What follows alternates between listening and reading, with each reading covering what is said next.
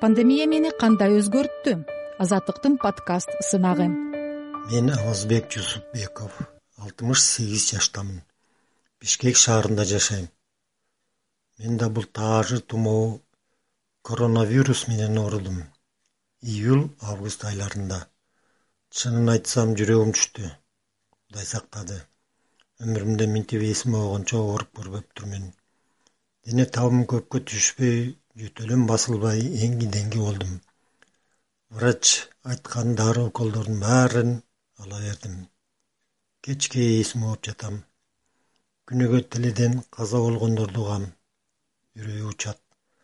Арасында тааныш жакын досторум да бар. Аларга барып топурак да сала албадым. Үйдөгүлөрдөн бөлүнүп ок жун жатсам да аялым да кызым да неберем да ооруду дагы жакшы мага караганда алар тез айыкты. Кээде эсиме келгенде айылга да телефон чалып туугандардын акыбалын сурап турдум.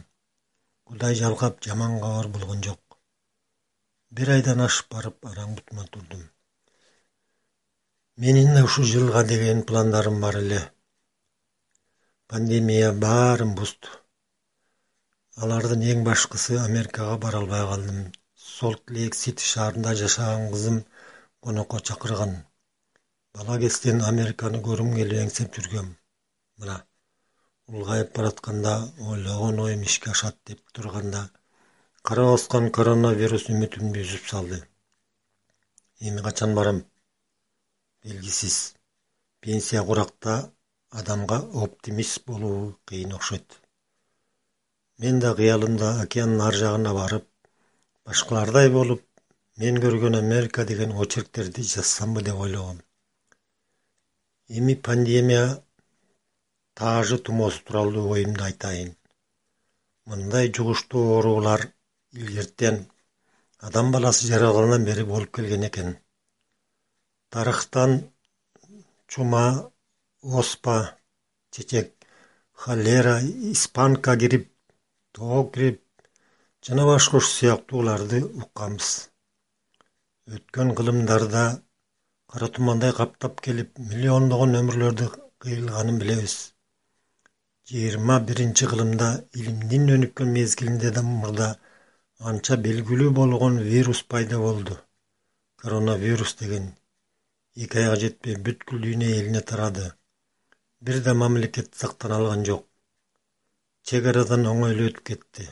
Курал жарактардын да эч кандай жардамы тийбеди бул көзгө көрүнбөгөн душманды замбирек менен да канаттуу ракета менен да атып жок кыла албайт экенсиң.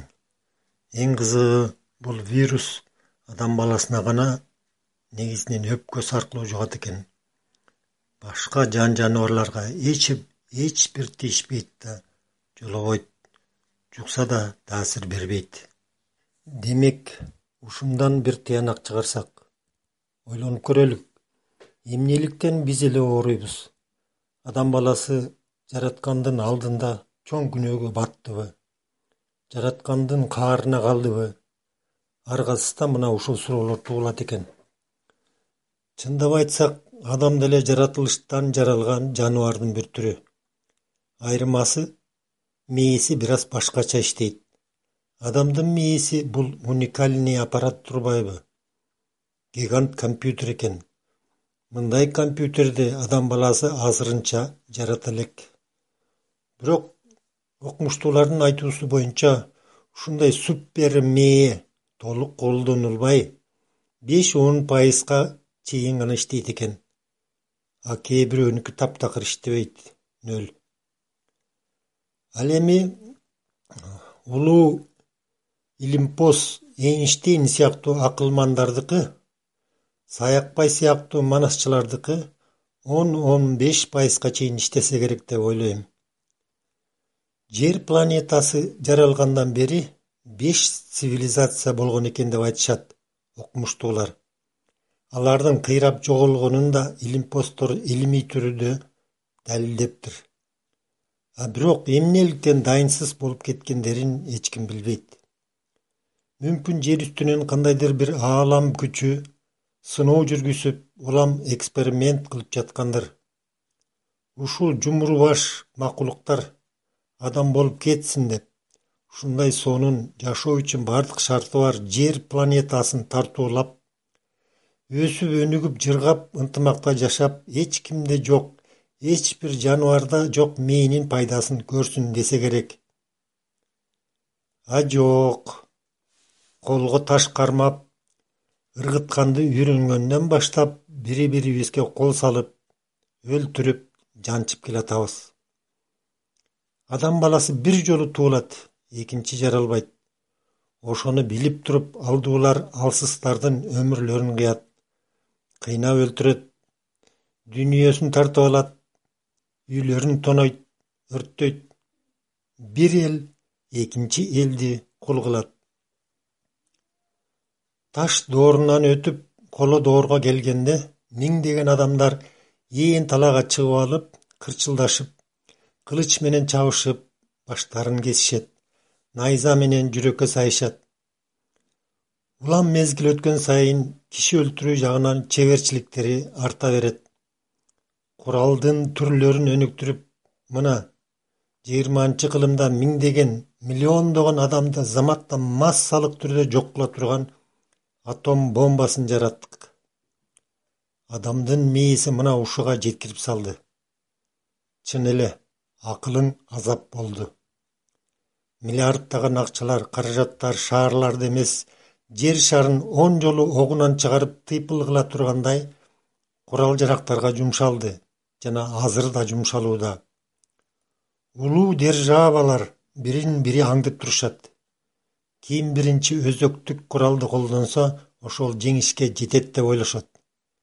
Жок эч ким калбай баары тыптыйпыл болоорун билишпейби. Куралдары ашып ташыган мамлекеттер башка курал чыгарбаган өлкөлөргө акыркы үлгүдөгү самолетторун ракеталарын танктарын кемелерин сатып байышууда. Армияларын көбөйтүп ар бир аскерди жоокерди адам баласын канткенде оңой жол менен тез өлтүрүүгө болоорун үйрөтүүдө. Эки миң он сегизинчи жылы алдыңкы он өлкө жалпысынан бир триллион жүз төрт миллиард доллар армиясына жана согуш өнөр жайына жумшаптыр. Карагылачы ал эми кыргызстандын бир жылда түшкөн кирешеси жети жарым миллиард доллар түшөт экен ошол куралданууга кеткен триллион долларларды экономикасы начар өлкөлөргө ачарчылыкта жашагандарга үй жай жокторго ооруп жаткандарга жана жугуштуу оорулардын алдын алган ишке жумшаса болбойбу. Жумушу жоктор үчүн жумуш орундарды балдар үчүн мектептерди жогорку жана орто кесиптик окуу жайларды ачса болот беле. Мына европаны азия жана африка өлкөлөрүнөн келген качкындар каптап кетти. Эми эмне кылсак? Бириккен улуттар уюмунун даражасын көтөрүп мамлекеттерге ири масштабта курал жарак чыгарганга сатканга көп сандагы армия кармаганга тыюу салалык. Дагы башка да чараларды көрөлүк. Өнүккөн өлкөлөр биргелешип бир бүтүмгө келбесе адам баласы өзүн өзү кыйратат жок кылат баарынан да адамды жана бул жарык дүйнөнү жараткан жер энебиз өз баласынан запкы жеп жатат. Жер алдындагы жана үстүндөгү суу астындагы байлыктарды өчүүбүз бардай акыркы күнүбүз калгандай өлө пайдаланып жатабыз. Ысырапкордук менен колдонуудабыз ордуна эмне бердик? Калыбына келтирүүнүн ордуна абаны сууну кыртышты булгадык таштандыга толтурдук. Биосферанын башаты жан жаныбарлардын адам баласынын бешиги болгон океанды таштанды таштаган дүйнөлүк полигонго айлантык кычкылтектин булагы болгон океан чалчыкка айланып жашыл токойлордун аянттары күн сайын кыскарууда.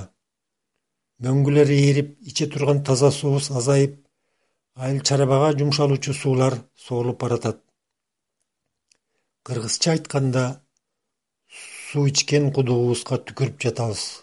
Кыскасы бүгүнкү күндө жараткандын кеңсесинде бир эле маселе турат. Жер планетасында жашоого адам баласынын акысы барбы деген. Пандемия мени кандай өзгөрттү? Азаттыктын подкаст сынагы